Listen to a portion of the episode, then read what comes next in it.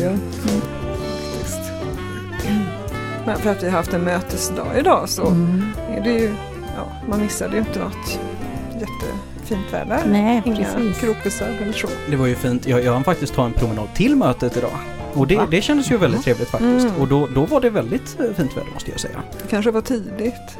Relativt tidigt. Vi började väl där vid tvåstrecket så att jag tror jag gick, någonstans- jag gick hemifrån vid ett efter att tekniken hade slutat att krångla med mig. Så att det var relativt. Det, är- Jo. det är lite vad man är för människa. Jo, nej men det var det nog. Nej, men jag tittade ut och det var, såg fint ut. Mm. Ja, men jag, jag klagade inte för mycket. Nej. Tror jag inte i alla fall. För, för det jag tycker borde vara klagomål på nu och, och lyssnar storm och grejer. Det, det är ju nu när de har gått och, och tänkt att jag ska fortsätta här i styrelsen. Jag trodde ju att liksom, nu, nu Mm. kommer jag åka med, med huvudet före liksom. Men det, Ja. jag fick vara kvar! Och de har till och med petat upp mig till att vara vice ordförande. Så jag, jag räknar ju kallt med att imorgon så är det samling på, på Möllastorg, Möllasbro torg där med Ta bort tegelstenar. Liksom, och ta bort, bort med Per. Så stora balustrader och grejer liksom, kampsånger och, och allt möjligt. Så det, det, det ser jag fram emot Det är faktiskt. bra att du håller lite pli på dem, de andra och de håller pli på dig. Det är, Ja, ju, men det- det är ju bra. Det får vara det där. Ja. Men, men nu har vi med oss någon som kan hålla lite pli på oss också Vivian. Mm, För idag har vi ju med oss Stina Rumke. Ja. Och det, det tycker jag är väldigt trevligt ändå. Vem är Stina Romke? Hon är en eh, gräsrot kallar du dig. Eh, Eller? Ja, du får utveckla Ska jag utveckla mig där? Jo, men eh, jag har ju varit med i partiet sedan 2010. Eh, har haft lite olika, liksom jag har varit med i styrelsen en period och distriktsstyrelsen en period och nu är jag valberedningen under några år så hoppade jag ut ur det för då har jag varit god man för ensamkommande.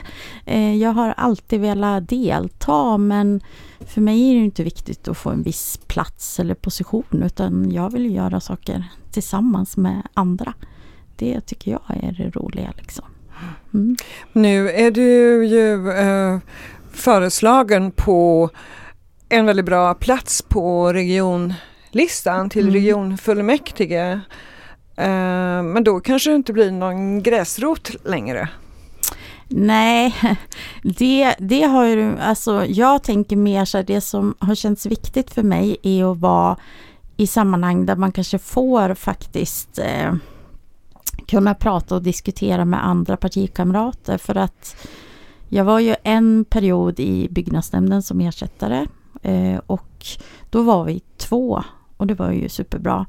Eh, för jag tycker det här att sitta liksom själv, dels så eh, ja, det blir lite ensamt på något sätt och jag i mitt arbete har jag precis varit chef i 13 år och det är också lite sån där ensam position även om jag har varit mycket med mina Mm. kollegor och medarbetare och sådär så att jag, jag vill inte vara det igen, alltså det är ingenting jag strävar Mm. efter. Vad gör du på jobbet? Vad är det för jobb? Eh, jag jobbar med, jag har varit verksamhetsledare eh, för en, ett personalkooperativ som jobbar med rådgivning till personer med funktionsnedsättning och när, eh, närstående.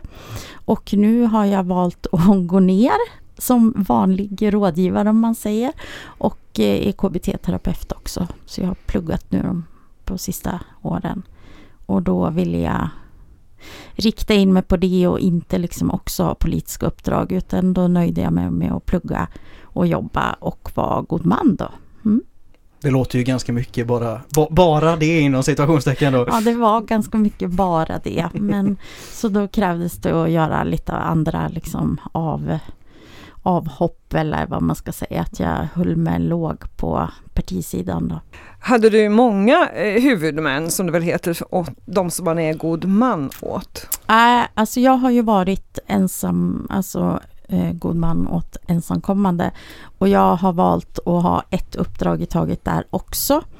Eh, man blir ju uppringd ganska ofta så man får lära sig att tacka nej. Men för mig har det varit viktigt, jag har haft ett väldigt bra samarbete med socialsekreterare och för att följa en ungdom så, alltså, så kan man ha en, tycker jag. Alltså det är min personliga uppfattning. Men jag hade en kille i fyra och ett halvt år och nu har jag haft en kille i ett år. eh, som jag följer och försöker göra. Och sen är det ju så att när de har fått sitt uppehållstillstånd då går, blir man särskilt förordnad vårdnadshavare. Så det är i princip samma sak men det, då ska det upp i tingsrätt och så. Jag har liksom valt att hålla fast vid, vid dem om de vill hålla, hålla fast vid mig så att säga. Mm. Så då löper jag linan ut tills de fyller 18. Men den första som du uh, har haft, är han kvar i Sverige? Har han fått, ja, permanent uppehållstillstånd är ju nästan ingen som får utan man får ett uh, uh, tidsbestämt Ja fast han tillhörde ju de som fortfarande fick permanent. Så han är ju kvar och bor kvar. Men jag lämnar ju eftersom han har fyllt 18 och då tror jag det gick någon månad sen ringde socialsekreteraren. Åh, kan inte du ställa upp igen? Kan jag få föreslå dig? Och så på den vägen är det. Så då fick jag en ny då och han har fått eh, tillfälligt på tre år. Mm. Och det är väl så det ser ut idag. Mm. Mm. Det är väl jättebra när man, för en gångs skull kan man få höra om en person som faktiskt får ha kvar samma kontakt i systemet. För jag menar det är ju en sån grej som jag tycker att man möter på ganska ofta när man kommer till men asylinvandring eller invandring i stort. Liksom att man har för många personer att hantera och man bollas runt i systemet. Så då är det väl kanon att man hamnar just hos Ja, vi, nu har vi äntligen ett fall där man faktiskt har fått fortsätta, där man känner sig trygg och där det fungerar. Ja, det har faktiskt varit roligt för där tänker jag särskilt på eh, socialsekreterarsidan som ju är väldigt vanligt på, eh, inom mitt yrkesliv, att det förändras hela tiden. Men just här har det, det har varit samma barnsekreterare som jag nu har haft kontakt med i fyra år och det är mm. ganska häftigt som ju också har inneburit och samtidigt han som nu är 20, han, han har samma sekreterare kvar och kan ha det så länge han har ett boende som hon har beviljat så att säga. Mm. Mm. Fast det är ju nämnden som beviljar mm, men hon ger ju förslag. Mm. Om du nu ska sitta i Västra Götaland eh, för Vs räkning i regionen, vad är det för perspektiv du tar med dig in? Och risken är väl ganska stor att det är just sjukvårdsfrågor, men ditt perspektiv, vilket är det? Eh, jag tänker att oavsett vad jag kommer komma in med så, så i och med att jag har jobbat med funktionshinderfrågor i så många år och dessutom själv har en egen funktionsnedsättning så kommer ju det alltid vara någon form av raster som jag ser saker eh, mot eller så. Så att det kommer jag ha med mig in. Även när man diskuterar sjukvård så tänker jag. Mm. Är det ett perspektiv som du tycker brukar finnas med i debatten egentligen oavsett kanske vad, vad det gäller men liksom jag känner många gånger när man pratar grupper som, som eh, står utanför normen egentligen. Då är, då är det nästan större debatten om de finns med eller inte än att de faktiskt finns med i, i debatten. Om, om jag, eh, eh, det var lite oklart men klart. Ja, alltså där lite svårt att föreställa mig hur liksom på regionnivå man kan angripa det. Men, men jag ser ju bara ur, alltså att i den allmänna debatten Eh, Eh, då är det ju LSS som har kommit upp och då handlar det om personlig assistans, vara eller icke vara. Men det finns ju en mängd frågor runt det som, eh, som ju är problematiskt. Eh, och sen i sjukvården handlar det ju väldigt mycket om eh, Idag har det ju blivit att Alltså det här att ha en sjukdom eller skada då hamnar man liksom i ett stuprör och många med funktionsnedsättning de, de har ju behov av flera olika kontakter och de mm. vårdnivåerna är komplicerade och det är jättesvårt idag. Och vi har också kommit i en situation där personer med funktionsnedsättning väldigt ofta liksom man, man är inom en, till exempel habiliteringen är ju en jättebra exempel på det.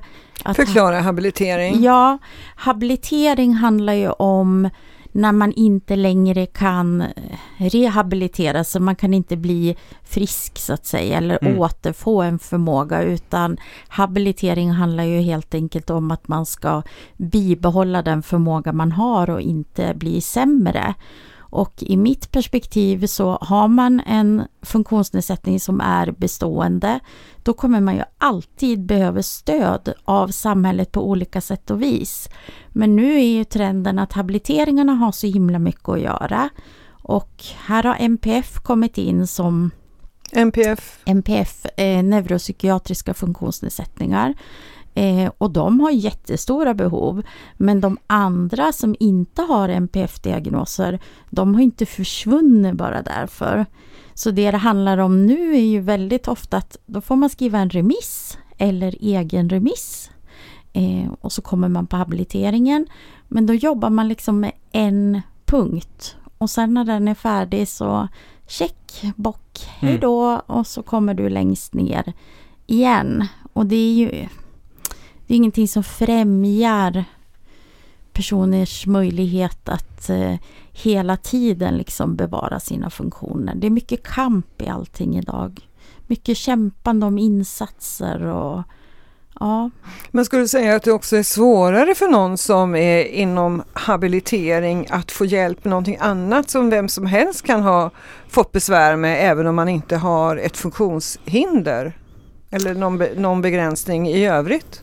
Ja, det jag tänker på som är komplext idag det är att eh, jag, alltså där kan jag säga att jag vet inte riktigt hur det funkar inom vården.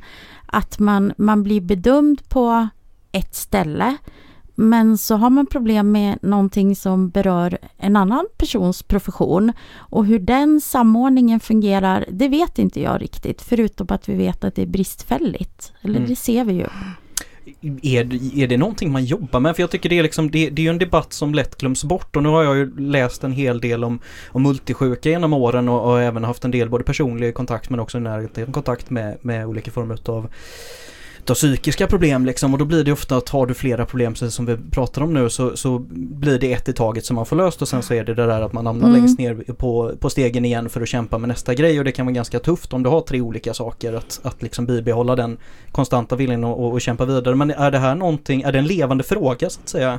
Att, att ehm, att samordningen ska bli bättre och att man ska slippa den här konstanta kampen för att få hjälp.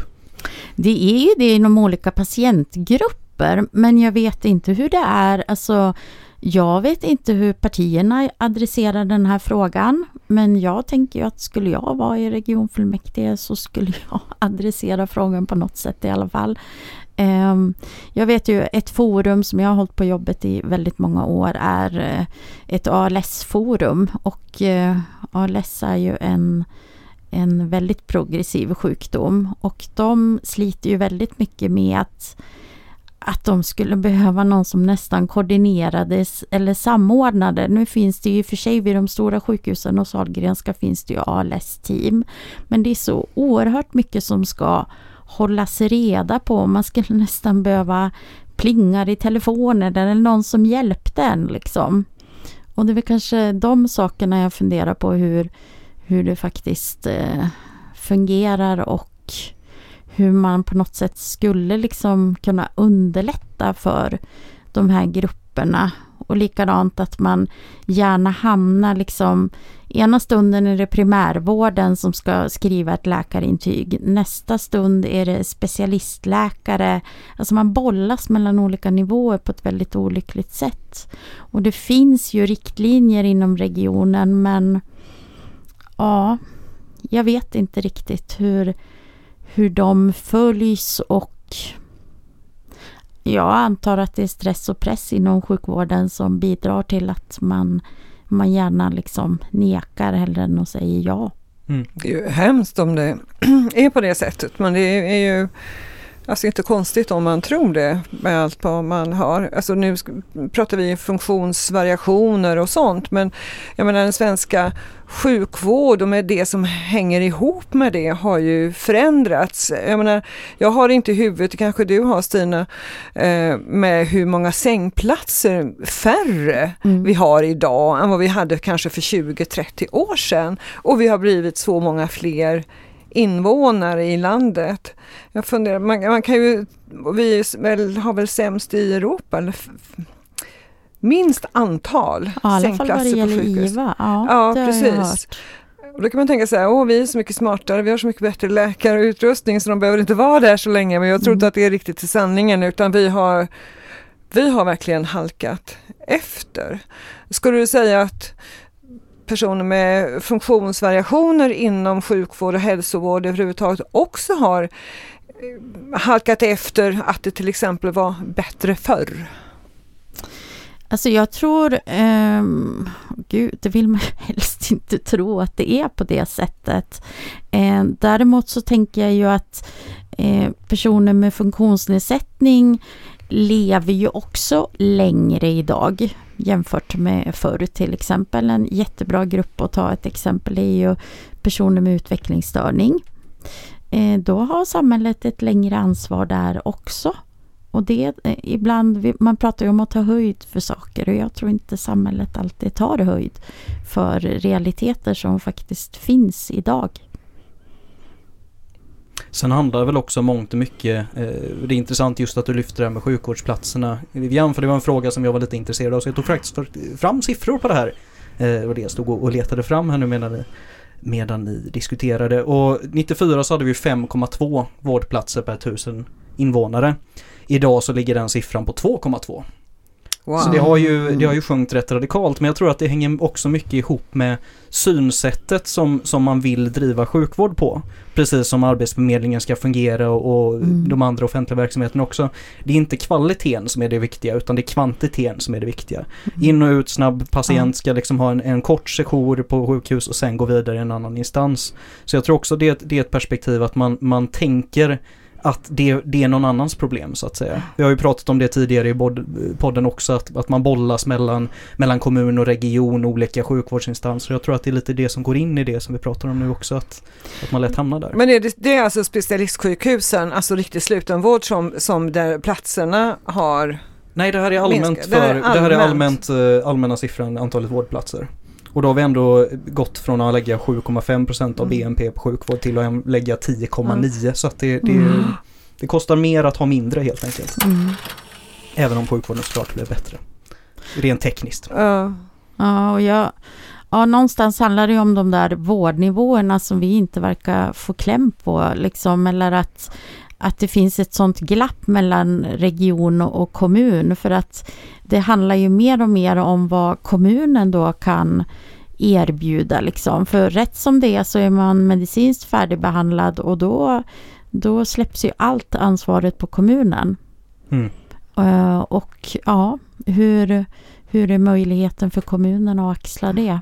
Men det känns ju som om det är ett trappsteg för mycket emellan där som liksom det är ingen hemma på det trappsteget utan man faller ner för det och då blir Alltså det, men det har man pratats om också, jag vet inte vem, vilka det är som har gjort det, men det är nog några, något parti tror jag det är, oklart vilket. Men att man borde ha någon mellannivå. Mm. Och alltså primärvården, närhälsan är ju inte det.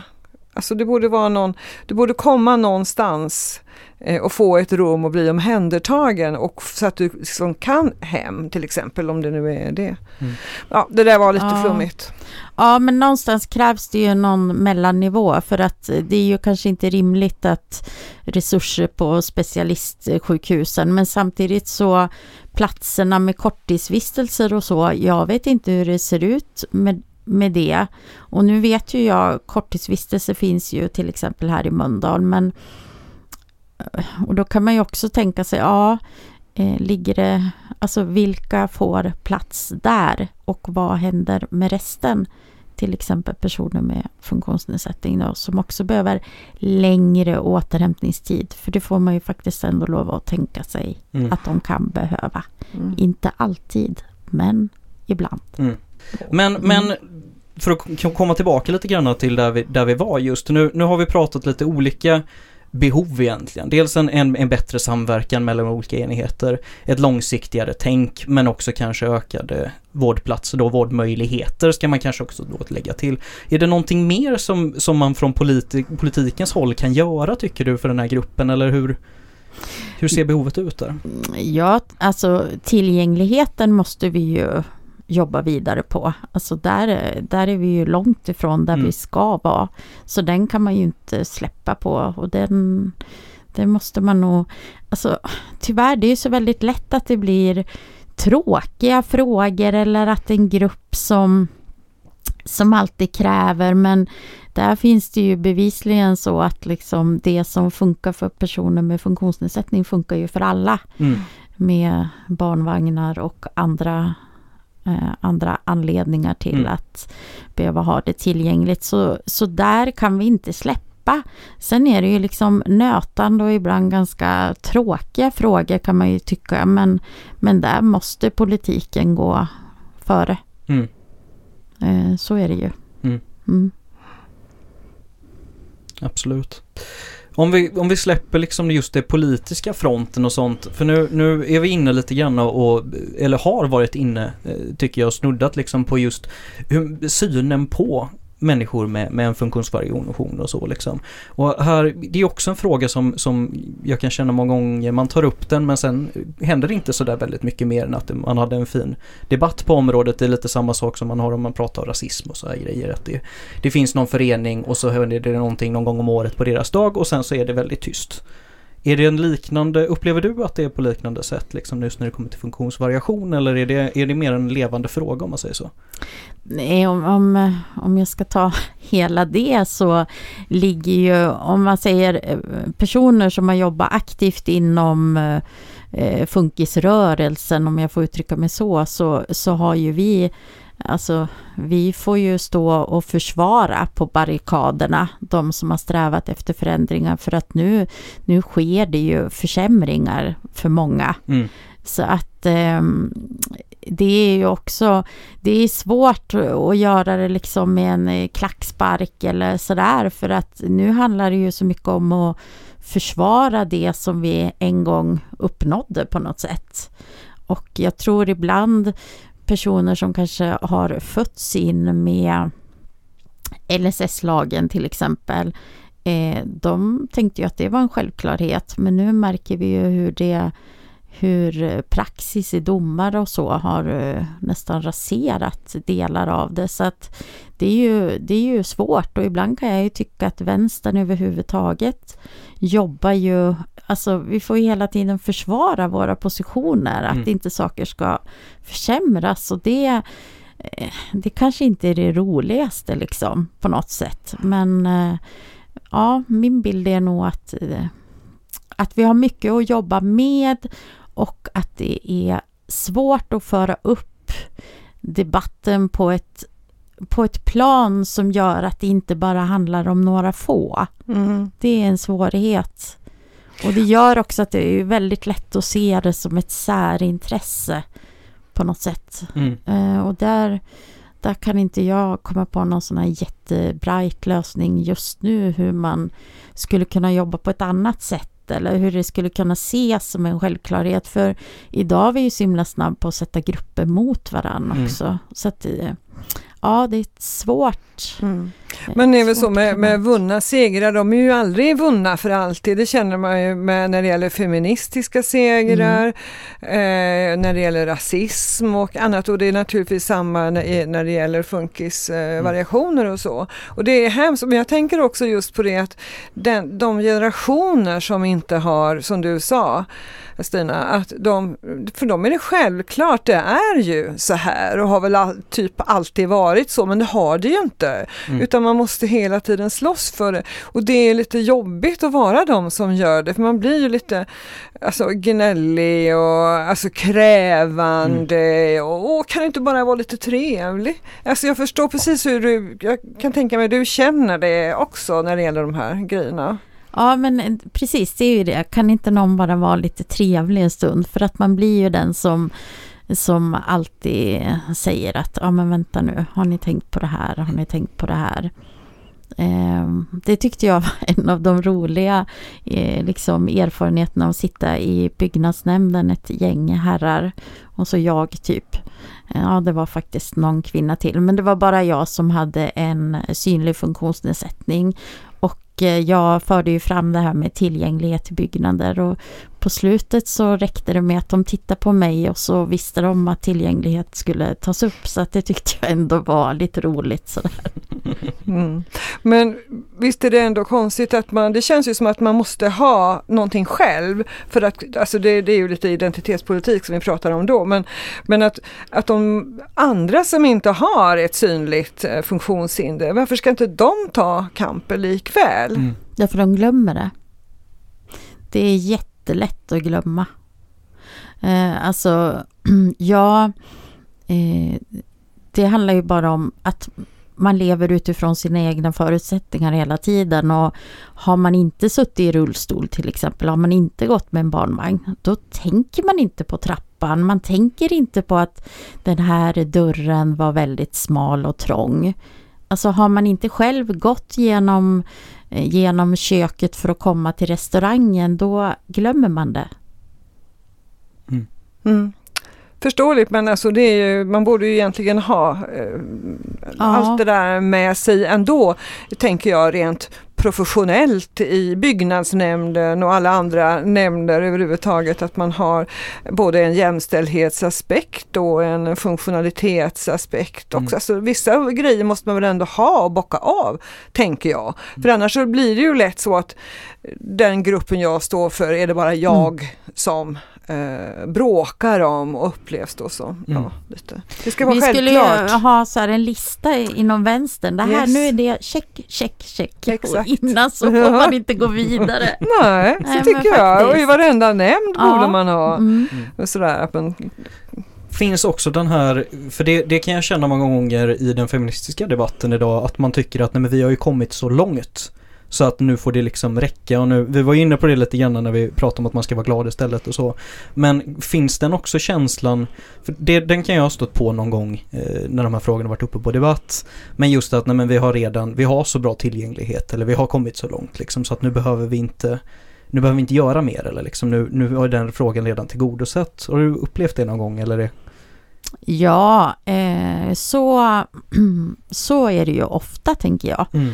Eh, och där tänker jag så här att som, som person som ska orka bära alla, alla kamper på något sätt eller som, jag tror man får gå in och ur i det där också, precis som man kan gå in och ur politiken, att vissa perioder så orkar man ta en strid, andra gånger så kanske man inte gör det för att eh, jag tror det handlar om att liksom ja, göra det så gott man kan men kanske på ett personligt plan liksom kunna skaka av sig saker ibland. Annars blir livet jäkla tungt liksom. Mm. Oavsett om man kör det feministiska, alltså oavsett vilket, mm. vad det är man kämpar för så personligen så tror jag att man måste kunna gå in och ur striderna för annars blir vi bara arga liksom. Mm. Ja, när jag kliver ner från barrikaden, det tror jag väl, det har väl alla som någonsin har stått på en barrikad känt att det, det är ganska skönt att ta av sig den hjälmen emellanåt. Mm. Eh, om vi kollar lite grann, nu har vi varit inne och pratat om det redan till viss del, att utvecklingen kanske till och med har vänt lite grann med att man får ifråntagen sig rättigheter och så. Men om jag tänker att vi kollar lite grann den senaste tiden just med hur utvecklingen ser ut i stort, går vi ändå i stort åt, åt rätt håll så att säga eller måste vi nu ta tag i verkligen se till att vi får bevarat de rättigheterna som vi har jobbat fram eh, och, och, utveckla dem istället? Eller vad har vi för bild där? Eh, du menar på eh, inom funktionshinderpolitik? Precis. Eller? Ja, där måste vi ta striden om och om igen och där är jag ju jätteglad. Vi har ju på riksdagsplanet har vi ju Maj Karlsson till exempel. Hon är ju superbra det är ovärdigt ett land som Sverige att inte se till att vi får en lagstiftning igen som verkligen lever upp till det som var grundtanken med det. Alltså, jag tycker egentligen inte att det är, det är inte komplicerat, det, är inte, det finns ingenting som sätter hinder för det. Det är faktiskt verkligen bara till att skrida till verket. Och innan vi gör det så tänker jag att vi har ganska stora problem att få svara upp med hur vi behandlar våra medborgare i det här landet. Eh, men vi får inte släppa någonting där. Nej. Och där tänker jag också, det handlar så väldigt mycket om vad vi gör på riksplan också och, och vad vi har fått igenom liksom med aktivitets och sjukersättningsnivåer. Men vi får inte vi får inte släppa någonting. Vi kommer behöva fortsätta stenhårt på mm. rättighetsspåret. Men det är väl eh, alltså, högervindarna som gör, alltså det är ju ändå, eh, vi kan ju önska oss att det kommer en bättre västanvind, en vänstervind, men det, det är ändå i vårt, eh, alltså vi har ju ingen, alltså det pengarna styr. Så är det ju och ingen vill, ingen eh, anförstecken, ingen vill betala skatt. Men alla vill betala så lite som möjligt och det är fullständigt rimligt så. Mm. Men sen massa kommuner till exempel som lägger på kistbotten. Mm. Eh, Stockholm är ju ett lysande exempel som har massor av pengar och stora behov. Och man undrar ju lite grann så här, men hur kan ni tänka så här när det finns sådana behov? Eller ser inte högen samma behov som vi gör? Eller liksom, är det, får man skylla sig själv? Eller är det taskigt att du föddes i fel familj eller på fel ställe? Hur tänker du om det? Jag kan känna att jag inte fattar. Jag tror kanske inte att man alltid förstår vad det innebär liksom. Um, och um, jag tänker väl inte att folk gör det av ondo, men jag tror ibland de inte förstår bättre helt enkelt. Ehm, och man kanske också har, ibland tror jag, mm, det här har jag liksom inte täckning för, men ibland tror jag inte eh, att vi har vetat om kostnaderna. Alltså, det var ju jättetydligt när LSS till exempel infördes att man hade ingen aning om att den, eller man kanske visste att kostnaden skulle bli så här. Men de som ville ha igenom LSS eh, sa inte, pratade inte så högt om det. Därför då skulle det inte gått igenom politiskt. Men alltså ta hand om Eh, medborgare som behöver stöd och vård, det kommer ju att kosta pengar och då måste vi ju ta dem någon annanstans ifrån. Alltså det, grejen är ju att det är ju det var en välvilja som man inte riktigt visste prislappen på ja, utan smusslade att, undan delar av den. Är det ja, det? Det, alltså dels om vi pratar om sjukvård, då är ju det eh, alltså vi pratar om teknik och alltså utrustning som är ju jättedyrt. Och pratar vi om vård och omsorg så är det personaltungt. Det är ju ingenting som... Det är ju inte billiga grejer hur vi än gör. Och för att få kvalitet i sakerna så måste det dessutom vara bra personer som jobbar mm. med rätt bakgrund och utbildning och förutsättningar att få en rimlig arbetsmiljö.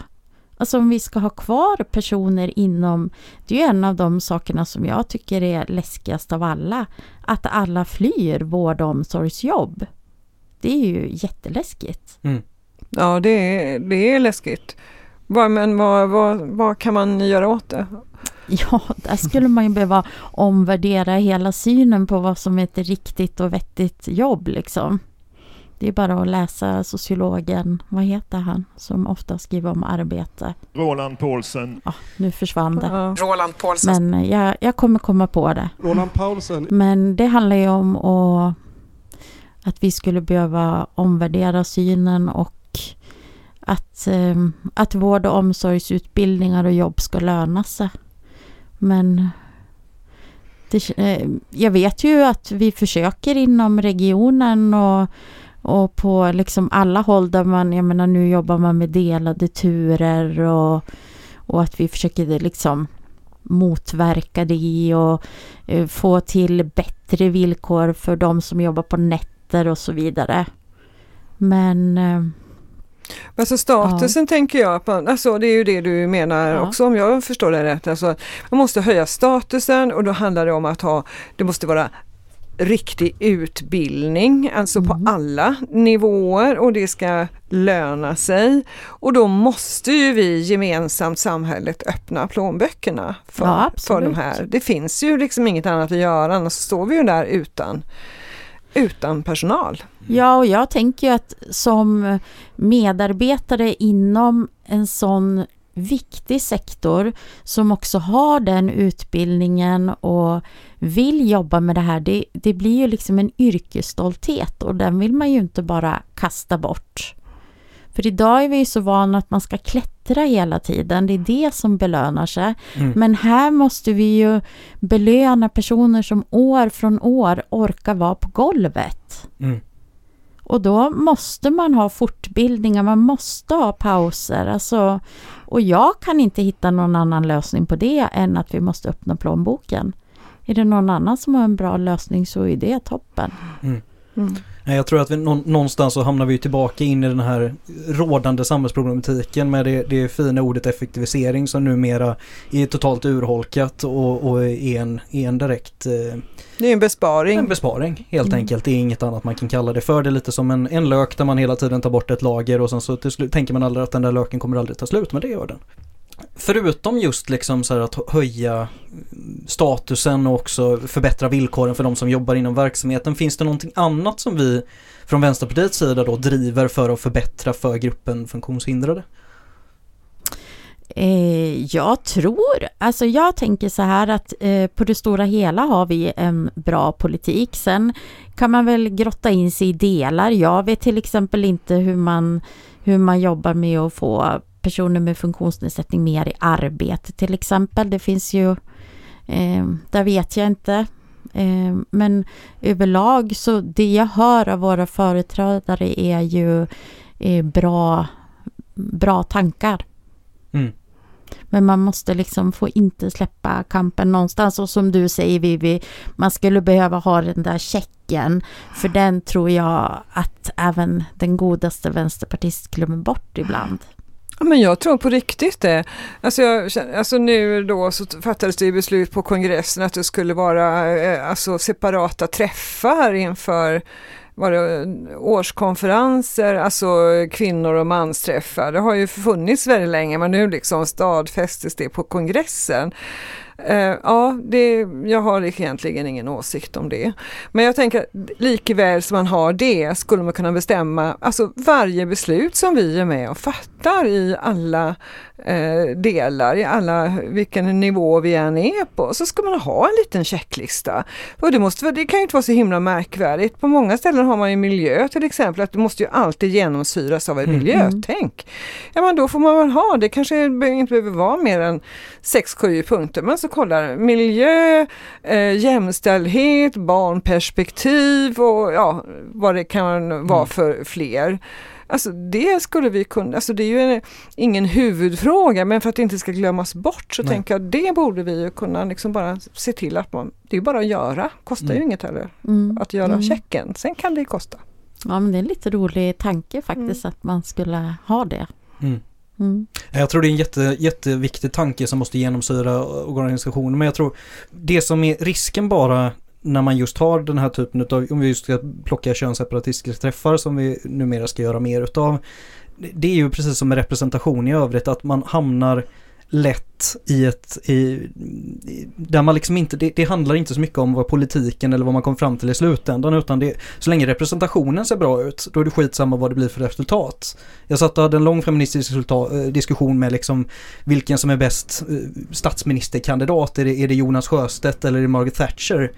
Med, och liksom ur ett feministiskt perspektiv så kan man inte tycka att Margaret Thatcher är bättre för att hon är ingen feminist. och, men då, då möts man ju istället utav att men hon är ju kvinna så det måste ju vara bättre. Och det är ju liksom där någonstans man inte får tappa bort sig för alla trän va. Att liksom så här, någonstans så, man måste ju ha med perspektivet. Det måste man ha med tidigt men också resultatet är ju det man måste utvärdera och jag tror att med de glasögonen och göra det konsekvent att man både har liksom feministiskt perspektiv, ett antirasistiskt perspektiv och också ett funktionsperspektiv liksom på, på resultatet utav politiken. Och inte bara just liksom innan debatten tänka på det. Utan också kolla på det i utvärderingen och se mm. vad, vad var det egentligen som hände, vad blev det för resultat? Ja, det är jätteviktigt för jag tycker det har funnits en, en trend liksom inom Vänsterpartiet men också kanske andra partier att det man lite så kallar identitetspolitik och så mm. blir det så mycket prat runt det så man tappar ju helt bort sig. Sakfrågan kommer bort. Ja, och jag tappar ju helt intresset då och nu till exempel, får man säga funktionsnedsättning? Vad får man säga liksom? Mm. Och så om alla ägnar sig åt hur man ska benämna någon annan och vad det heter, då har man i alla fall tappat mig efter ett tag. För jag vill ju veta hur mycket pengar blir det i plånboken mm. för den här gruppen. Mm. Typ så. Lite mer hands-on. Mm. Men vad jag eh, funderar på, det, jag ser ju att det, det har ju funnits eh, undersökningar som visar att män får bättre och mer vård än kvinnor, till mm. exempel när det gäller hjärtvård och ja, det, överhuvudtaget är det vård så får män mer hjälp, även när det gäller omsorgsdelar i äldrevården. Så. Hur är det med funktionsnedsatta? Exakt likadant.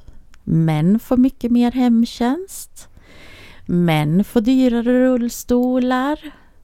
Eh, män får mer assistans än vad kvinnor får. Mm. Exakt likadant. Visst är det märkligt? Ja, det är helt galet. Och märkligt. Ja. Äh, men det där får du fixa. Lös det nu Stina. Det, nu, du får en kvart här nu. Ja, Du, vad skönt. Ja, du får fixa det Ja. i, i Västra Götaland. Ja, tack ska ni ha. du har vårt förtroende här Ja, inne. Nu, nu, nu ut, ut och lös.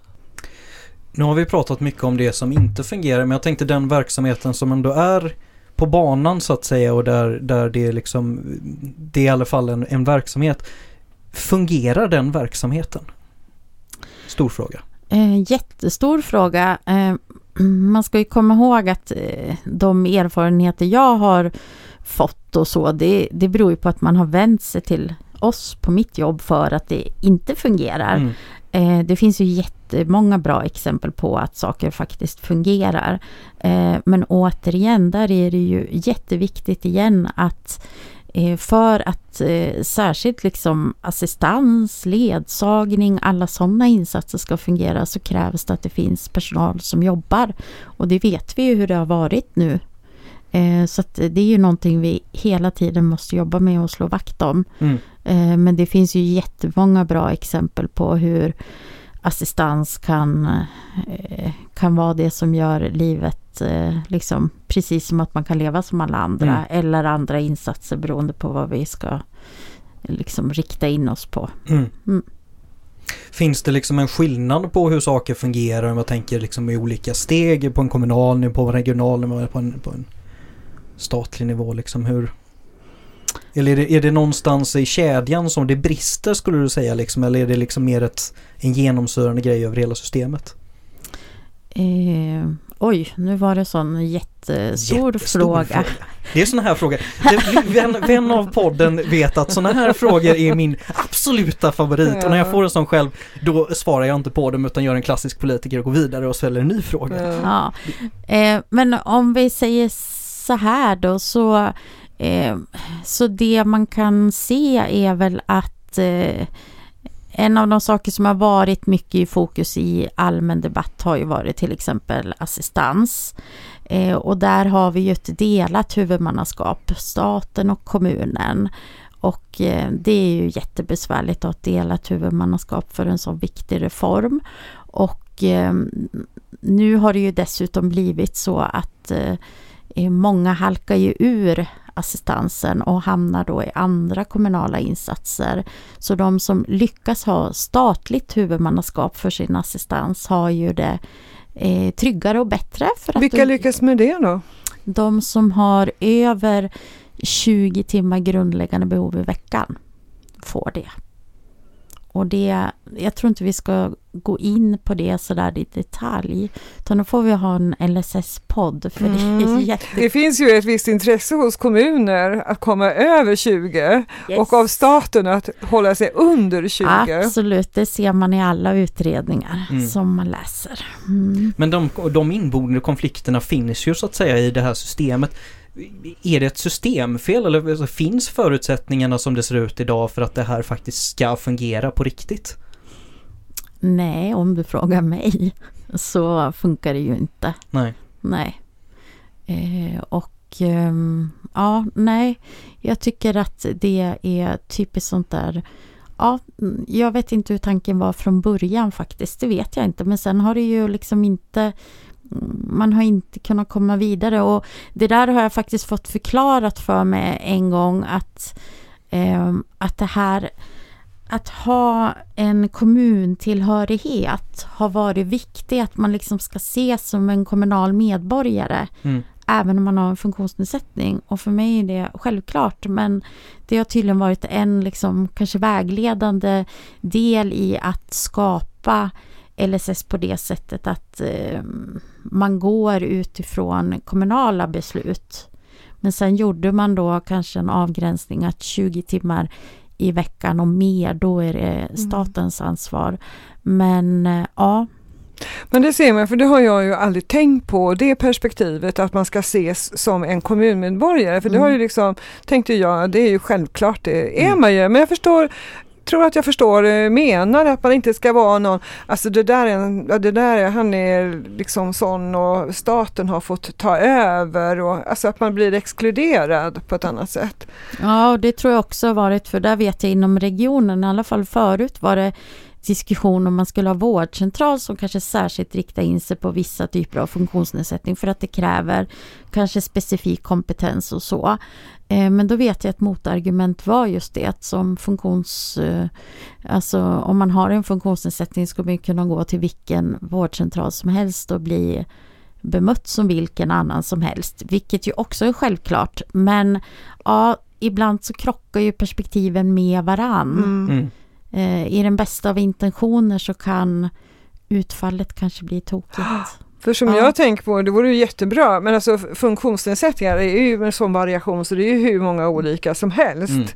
Eh, i först, men i första hand, första så tänker man att ja, men det där vore väl jättebra med en egen vårdcentral där det finns specialister. Men det kanske finns specialister på några.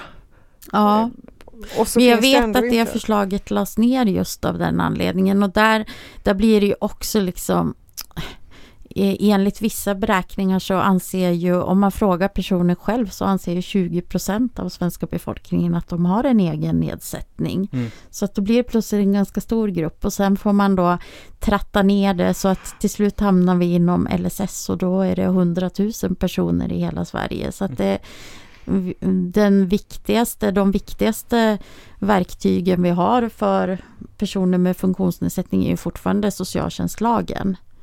Det är ju där vi har de flesta insatser och de flesta personer. Och det som sjukförsäkringen har såklart.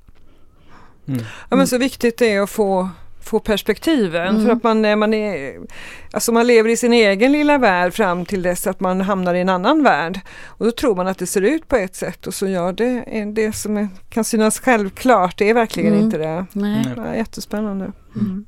Sen tror jag också det är ett perspektiv som just nu när vi pratar om, om icke-normativa grupper för att använda ett sånt tråkigt, eh, korrekt ord.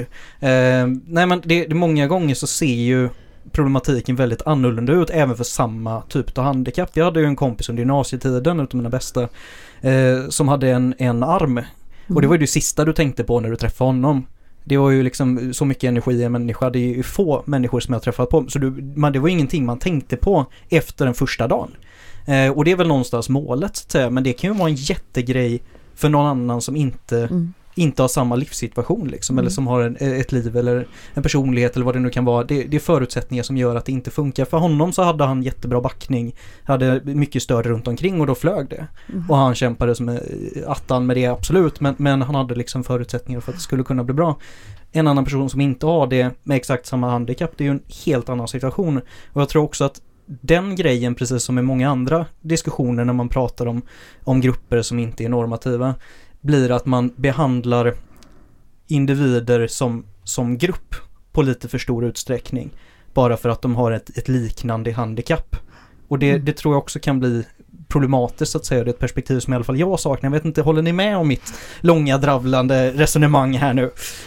Jo, men jag tycker att det är jätteviktigt. Alltså här står jag och pratar eh, funktionshinderpolitik. Liksom. Jag skulle aldrig kunna tänkt mig det för tio år sedan typ. För att för mig är det så viktigt att vara människa i första hand. Liksom. Och sen det ena och det andra och det tredje och ganska långt ner så kommer det att, ja just det, jag har en funktionsnedsättning som också påverkar hur mitt liv ser ut och naturligtvis gör att det blir på ett visst sätt. Men det kommer väldigt långt ner om jag ska ranka det själv. Liksom. Mm. Mm. Men man är ju inte sin funktionsnedsättning. Menar, man är ju inte ett högt blodtryck eller liksom någon annan grej som eller- inte syns. Så att, det, det borde ju egentligen vara helt självklart men Mm. eh, mm.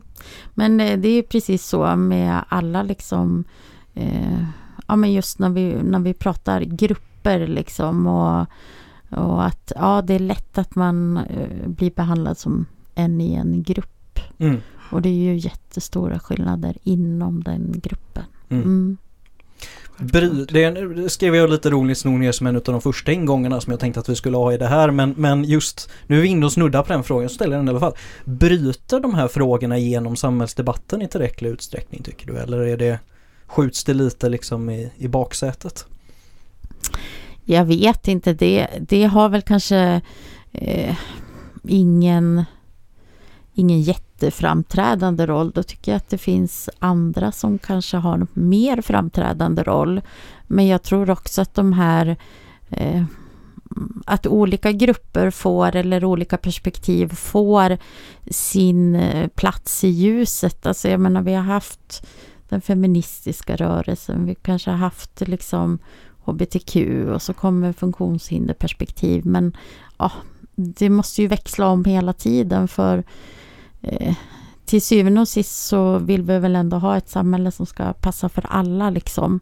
Men jag tänker att det, det kanske går i olika eh, perioder och skiften sådär.